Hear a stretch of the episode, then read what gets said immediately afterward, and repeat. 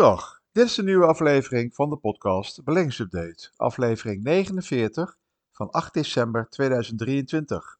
Mijn naam is Joost Boors. elke week een kort overzicht over de beurs, beleggen en vermogensopbouw. Ook elke week een praktijkcasus of theoretische uitleg. deze week iets meer over de mid- en small caps. Ja, de beurs heeft er de laatste dagen echt wel zin in. Dit geldt voor, voor zowel eigenlijk aandelen als obligaties, dat zijn de hoofdcategorieën. Maar vergeet daarnaast dan ook niet de stijging van goud en uh, cryptomunten. Ja, alles lijkt te gaan om de rente, ja, die, eh, die volgens velen niet verder zal stijgen. Voor kapitaalintensieve bedrijven is een lage rentestand positief. Ja, Duitse uh, eh, ECB-bestuurslid uh, Snabel, die die staat doorgaans wel bekend als uh, liet zich gisteren positief uit over de inflatieontwikkeling in de eurozone. Ze noemde de daling van de inflatie in een interview opmerkelijk en acht een verdere renteverhoging door de ECB onwaarschijnlijk. Uh, ja, eigenlijk zei ze: Ik heb uh, nieuws. Het gaat ook niet verder gebeuren. Ik denk dat misschien dat ze voor haar beurt spreekt, maar als het zegt, dan heeft het wel impact. Een eerste renteverlaging verwacht zij uh, van de ECB, of eigenlijk de, de beurs verwacht dan eigenlijk dat volgend jaar rond april misschien de eerste renteverlaging kan worden verwacht. Maar het is eigenlijk al over vier maanden. En uh, dat misschien daarna nog wel verder verlaagd zal kunnen worden. Maar misschien is dat te vroeg. In ieder geval, de trend is wel dat het, uh, de stijging er nu wel een beetje uit is. Ja, in reactie eigenlijk op die uitspraak van Snabel zag je dat de rente op de Europese staatsobligaties toch wel uh, hard uh, omlaag gaan. Die Duitse tienjaarsrente daalde naar een niveau nu van 2,25. Je ziet ook de Amerikaanse staatslening zakken. Het staat nu op 4,3. Nou, uh, vier maanden geleden rond die 5%. Ja, dat is eigenlijk alweer het laagste niveau sinds voor de zomer. Maar ook uh, in landen als Italië en Spanje dalen de, de rentes. En de index voor die euro-staatsobligaties, die is al ruim 5% hoger dan eind vorig jaar. Dus een behoorlijke stijging. Dat kan je ook wel terugzien als je een uh, obligatieportefeuille hebt. Dat daar de positieve rendementen de afgelopen maand toch behoorlijk uh, goed ja, uh, positief meewerken aan een heel mooi jaar eigenlijk. Naast aandelen die fors gestegen zijn in Europa, zijn nu ook de obligaties die een beetje meehelpen. Ja, bedrijven die zeker kunnen profiteren van stabiele tot lage rentes zijn de small- en midcappers. Ja, wat verstaat men onder midcappers? Nou, midcap is eigenlijk een middelgroot beursgenoteerd bedrijf. De term midcap staat voor middelgrote kapitalisatie. Deze bedrijven bevinden zich in een interessante positie. Ze zijn net te klein om als large caps te worden beschouwd, maar ook net iets te groot om als small caps te worden geclassificeerd. Ze zitten eigenlijk middenin. De marktwaarde van een bedrijf wordt berekend door een aantal uitstaande aandelen te vermenigvuldigen met de beurskoers. Midcaps hebben over het algemeen een marktwaarde tussen de 2 miljard en de 10 miljard dollar of euro. Nou, die Ra de Rabobank, ik heb een uh, rapport van de Rabobank, die heeft een artikel geschreven over die middelgrote beursgenoteerde bedrijven.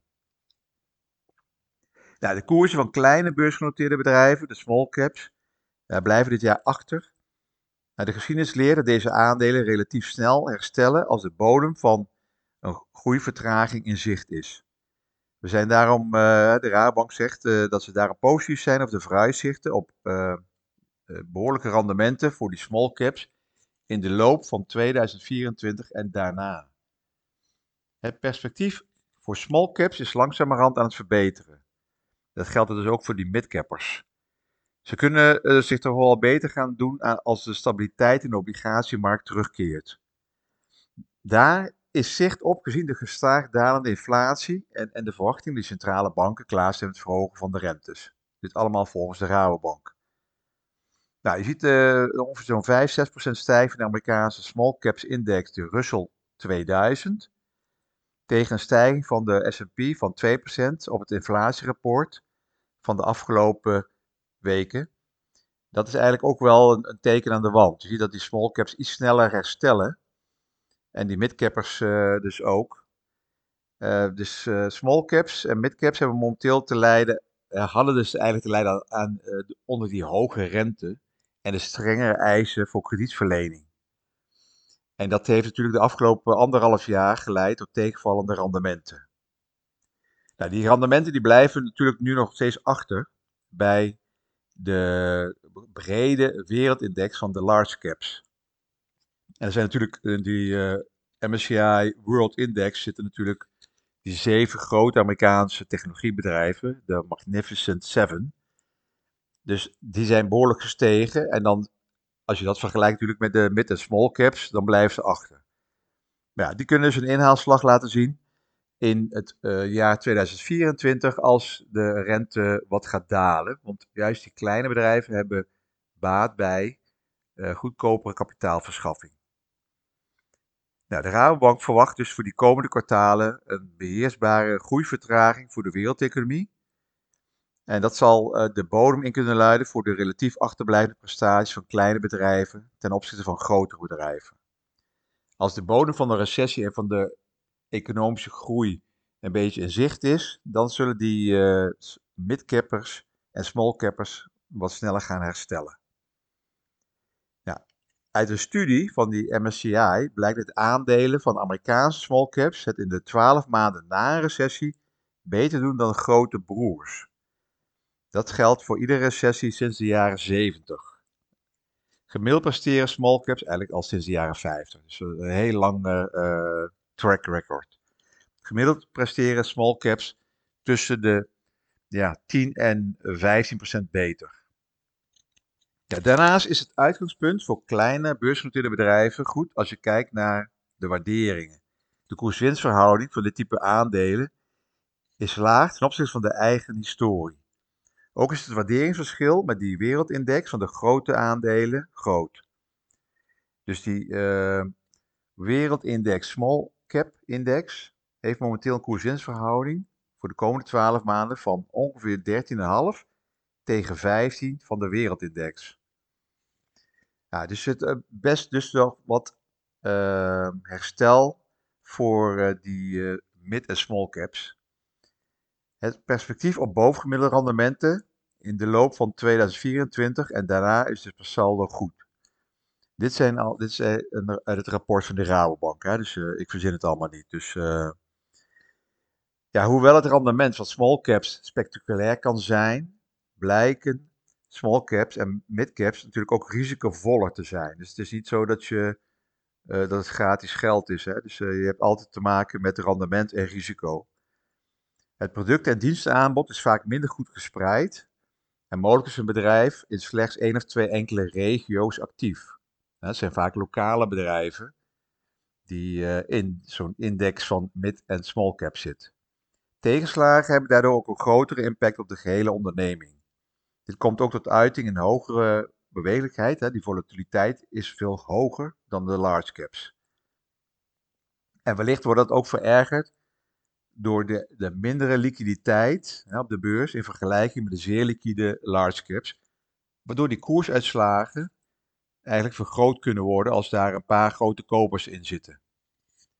Nou, wil je die volgen? Er zijn eh, voldoende indextrekkers die Europese of wereldwijde midcap en smallcap indexen volgen. Ook heel veel beleggingsfondsen die hierin gespecialiseerd zijn. Eh, denk er wel aan uh, dat het, het moet wel kunnen passen binnen je eigen risicoprofiel en je eigen portefeuille samenstelling. Dus uh, uh, ga er in ieder geval niet te groot in. Hè. Blijf toch wat bescheiden in die small caps. En ga niet allemaal individuele aandelen kopen, maar neem gewoon een, een indextrekker of een beleggingsfonds in small en mid caps. Nou, de laatste dagen zie je natuurlijk ook door die dalende rente dat de uh, cryptomunten aan het stijgen zijn. Vooral bitcoin, maar ook kleinere coins zijn weer in populariteit aan het toenemen. Dit heeft natuurlijk te maken met die, uh, met ook onder andere met het eventueel toegelaten worden dus toestemming krijgen van de Amerikaanse beursautoriteiten van een indextrekker of ETF op de Bitcoin. De aanvragen door een paar grote Amerikaanse vermogensbeheerders, zoals BlackRock en Fidelity, spelen daar natuurlijk uh, in mee. Het zijn geen kleine partijen die uh, die aanvragen hebben ingediend bij de Amerikaanse autoriteiten, maar het zijn echt de uh, grootste bedrijven, de grootste vermogensbeheerders, die diversiteit aan beleggingsfondsen beheren, die dit hebben aangevraagd.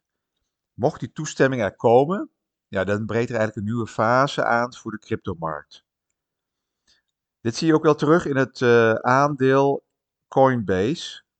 Is een Amerikaans bedrijf, hè, Amerika genoteerd. Dit is de grootste Amerikaanse online broker voor crypto's. Die stijgt al de afgelopen anderhalve maand op deze geruchten van de aanvraag van uh, bitcoins. Maar die stijgt natuurlijk ook door de laatste weken de bitcoin en de cryptomunten weer in populariteit toenemen. Want Coinbase moet het natuurlijk hebben van de transacties, van heel veel activiteiten in die crypto's.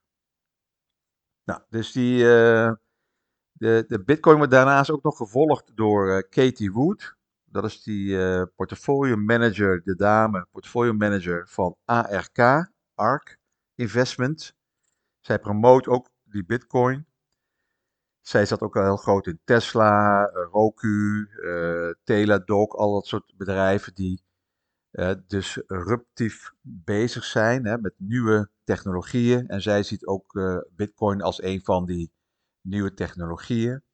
Maar zij ziet naar toelating van een indextrekker en eigenlijk daar de toestemming van de autoriteiten dat een ETF van bitcoin dat ziet ze dan ook als een positief signaal voor Bitcoin.